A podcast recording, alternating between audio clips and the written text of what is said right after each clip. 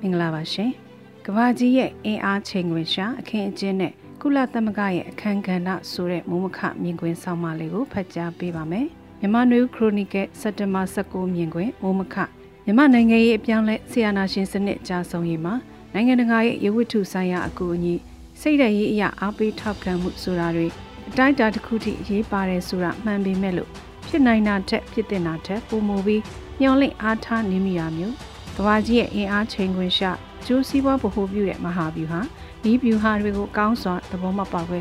မျောလင့်ချက်မျောကိုးချက်တွေနဲ့ယုံကြည်နေတာမျိုးမဖြစ်ဖို့လဲအရေးကြီးလာပါတယ်ကမ္ဘာနိုင်ငံရေးအုပ်စုဖွဲ့မှုစီးရေးအကာအကွယ်အုပ်စုဖွဲ့မှုတွေရန်သူမိတ်ဆွေကြားနေဆိုတဲ့အခင်းအကျင်းတစ်ခုကယခုနှစ်ဖေဖော်ဝါရီလနောက်ပိုင်းကစတင်ခဲ့တဲ့ယူကရိန်းစစ်ပွဲအပြီးအများကြီးပြောင်းလဲသွားတဲ့သဘောရှိပါတယ်။ယူကရိန်းရုရှားစစ်ပွဲကာလနောက်ပိုင်း နိုင်ငံတွေကြားစီးရေးမဟာမိတ်နိုင်ငံရေးမဟာမိတ်တန်တမန်မဟာမိတ်နီးစပ်မှုအတိုင်းအတာကွာခြားသွားတာစန့်ကျင်ဘက်အုပ်စုရောက်သွားတာစတဲ့အပြောင်းအလဲတွေအများကြီးဖြစ်ပေါ်ခဲ့တာဖြစ်ပါတယ်။ဒီကရက်တွေကမြန်မာနိုင်ငံနဲ့ဘယ်လိုတိုက်ရိုက်ပတ်သက်တယ်လဲလို့မေးရင်ယူကရိန်းရုရှားစစ်ပွဲနဲ့မြန်မာနိုင်ငံတိုက်ရိုက်မပတ်သက်ပေမဲ့ချိန်ခွင်ရှာအလဲအပြောင်းမြန်မာနိုင်ငံကယူကရိန်းနိုင်ငံကိုကျူးကျော်တဲ့ရုရှားကျူးကျော်စစ်ပွဲကိုထောက်ခံကြောင်းကြေညာက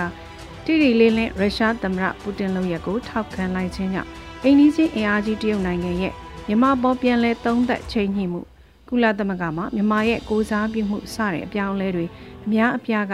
ယူကရိန်းစစ်ပွဲရဲ့အကျိုးသက်ရောက်မှုတွေတပွဲဖြစ်လာတဲ့သဘောလို့ကောက်ချက်ချနိုင်ပါတယ်။ခုလောလောဆယ်ကျင်းပနေတဲ့ကုလသမဂ္ဂပုံမှန်ညီလာခံမှာမြန်မာနိုင်ငံကိုကိုစားပြုသူဖြစ်ဆက်လက်အသိမှတ်ပြုထားတဲ့ဦးကျော်မိုးထွန်းကိုဆက်ထားမလားမထားဘူးလားဆိုတဲ့ကိစ္စကိုမြန်မာနိုင်ငံကနိုင်ငံရေးအင်အားစုတွေရောလက်နက်ကိုင်အဖွဲ့တွေထောက်ခံအားပေးသူတွေကပါစိတ်ဝင်စားနေကြတာဖြစ်ပါတယ်။အရင်နှစ်ကအခုလိုကာလမှာလုံခြုံရေးကောင်စီနဲ့နိုင်ငံကိုစားပြုရေးကော်မတီတို့မှာ အမေရိကန်တရုတ်နဲ့ရုရှားတို့ကမြန်မာအရေးမှာတူညီတဲ့အမြင်တချို့ရှိခဲ့ကြပြီးစစ်ကောင်စီကိုသစ္စာမခံတဲ့ဦးကျော်မိုးထွန်းကိုကုလကိုယ်စားလှယ်အဖြစ်ဆက်ထားဖို့သဘောတူခဲ့ကြပါတယ်။ဒီချက်ကတန်တမရေးစိတ်တဲ့ရေးရပြည်တွင်းမှာအတက်စရာတွေဖြစ်ခဲ့ကြတာပါ။ခုနှစ်မှာတော့တရုတ်နဲ့ရုရှားကတစ်ဖက်အမေရိကန်ကတစ်ဖက်ဖြစ်ကြတဲ့ကမ္ဘာရှိန်ငွေရှာအခင်းအကျင်းပြောင်းသွားတာကြောင့်မြန်မာနိုင်ငံကိုစားပြုဖြစ်ဘယ်သူကိုလက်ခံမလဲ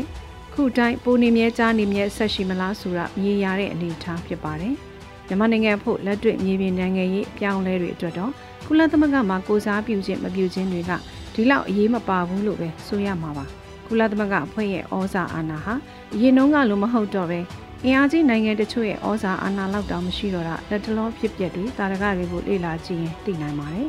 ဒုတိယကမ္ဘာစစ်ပြီးနောက်နောက်ကမ္ဘာစစ်တွေမဖြစ်ပါအောင်နိုင်ငံအားလုံးပါဝင်ကြပြီးဖွဲ့စည်းခဲ့ကြတာဖြစ်ပေမဲ့အင်အားကြီးနိုင်ငံတွေကကုလသမဂ္ဂကိုသူတို့အမြင်နဲ့တူတဲ့အခါသုံးချဖို့နဲ့ အမြင်မတူတဲ့အခါကုလသမဂ္ဂကိုလှည့်လည်ရှုပြီး၎င်းတို့မူဝါဒအတိုင်းဆက်လက်လှုပ်ဆောင်ခဲ့ကြလို့အဲ့လိုလှည့်လည်ရှုခြင်းကအစင်လာတဲ့ဖွဲ့ဖြစ်ပြီးနိုင်ငံရေးအရဩဇာကြီးတဲ့အဖွဲ့အဖြစ်ကနေရောကြခဲ့တာဖြစ်ပါတယ်။လက်တလုံးဖြစ်ပျက်နေတဲ့ယူကရိန်းရုရှားစစ်ပွဲမှာလည်းကုလသမဂ္ဂရဲ့အခမ်းကဏ္ဍကိုဘယ်နိုင်ငံကြီးကမှလေးနဲ့မထားခဲ့ကြပဲမိမိတို့လှုပ်ဆောင်စရာရှိတာကိုမိမိတို့အုပ်စုနဲ့လှုပ်ဆောင်ကြတာဖြစ်ပါတယ်။ယူကရိန်းရုရှားစစ်ပွဲမှာကုလသမဂ္ဂအနေနဲ့ဆောင်ရွက်ခွင့်ရတဲ့ကိစ္စတစ်ခုသာရှိပြီးပ င်လယ်နက်ကနေရိတ်ခါတွေပို့နိုင်အောင်ပိတ်ဆို့ထားတဲ့စိတ်ကမ်းတွေကိစ္စကြားဝင်ဆောင်ရွက်တာဖြစ်ပါတယ်။အခြားသောတိုက်ခိုက်မှုတွေနျူကလ িয়ার တပ်ပေါင်းမှုထိန်းချုပ်ထားတာပြစ်ခတ်တိုက်ခိုက်ခံရတာ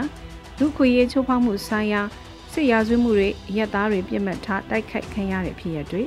လက်နက်ကူညီထောက်ပံ့မှုဆိုင်ရာကိစ္စတွေမှာကုလသမဂ္ဂအနေနဲ့ဝင်ရောက်ပြောဆိုခွင့်မရခဲ့သလိုကုလသမဂ္ဂရဲ့ပြောဆိုမှုသဘောထားတွေကိုဘယ်နိုင်ငံကမှအလေးနက်ထားနားထောင်တော့မတွေ့ရပါဘူး။ လာလူမြန်မာနိုင်ငံတွင်းဖြစ်ပျက်နေတဲ့လူခွင့်ရေးချိုးဖောက်မှုတွေတပ်ဖြတ်မှုစစ်ပွဲတွေ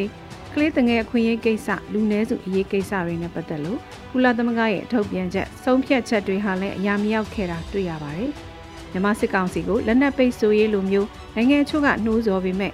ကုလသမဂ္ဂရဲ့လုံခြုံရေးကောင်စီအမြဲတမ်းအဖွဲ့ဝင်နိုင်ငံဖြစ်တဲ့ရုရှားလိုနိုင်ငံကရောင်းချနေတာဖြစ်လို့ဗီဒီယိုအာဏာလဲရှိအင်အားကြီးနိုင်ငံလဲဖြစ်တဲ့နိုင်ငံရဲ့လှုပ်ဆောင်မှုကိုဘယ်သူကမှတားမြစ်နိုင်စွမ်းမရှိတဲ့အနေအထားဖြစ်ပါတယ်။ ကုလသမဂ္ဂဟာနိုင်ငံပေါင်းစုံသဘောတူညီမှုအပြည့်နဲ့စတင်ဖွဲ့စည်းခဲ့တာမှန်ပေမဲ့နှစ်ပေါင်း80ကျော်ကြာလာတဲ့အချိန်မှာနိုင်ငံတကာလူမှုကူညီကယ်ဆယ်ရေးနှိုးဆော်တဲ့ဖွဲ့စည်းတစ်ဖွဲ့လို့အစဉ်မျိုးရောက်ရှိနေတာလည်းဖြစ်ပါတယ်။ဒါကြောင့်ကုလသမဂ္ဂရဲ့အမြဲတမ်းကိုယ်စားလှယ်တတ်မှတ်ခံရရေးမခံရရေးတွေကမြေပြင်မှာကျေးရွာတွေမိရှုမခံရအောင်ကာကွယ်နိုင်ခြင်းလောက်ကလေးတငယ်တွေအသက်မဆုံးရှုံးရအောင်ကာကွယ်စောင့်ရှောက်ပေးနိုင်တာလောက်အရေးမကြီးဘူးလို့ဆိုရင်လွန်တယ်လို့ဆိုကောင်းဆိုပေမဲ့လည်းတကယ်လက်တွေ့အဖြစ်အပျက်တွေ လက်စုပ်လက်ကင်ပြနိုင်တဲ့အကျိုးရလဒ်က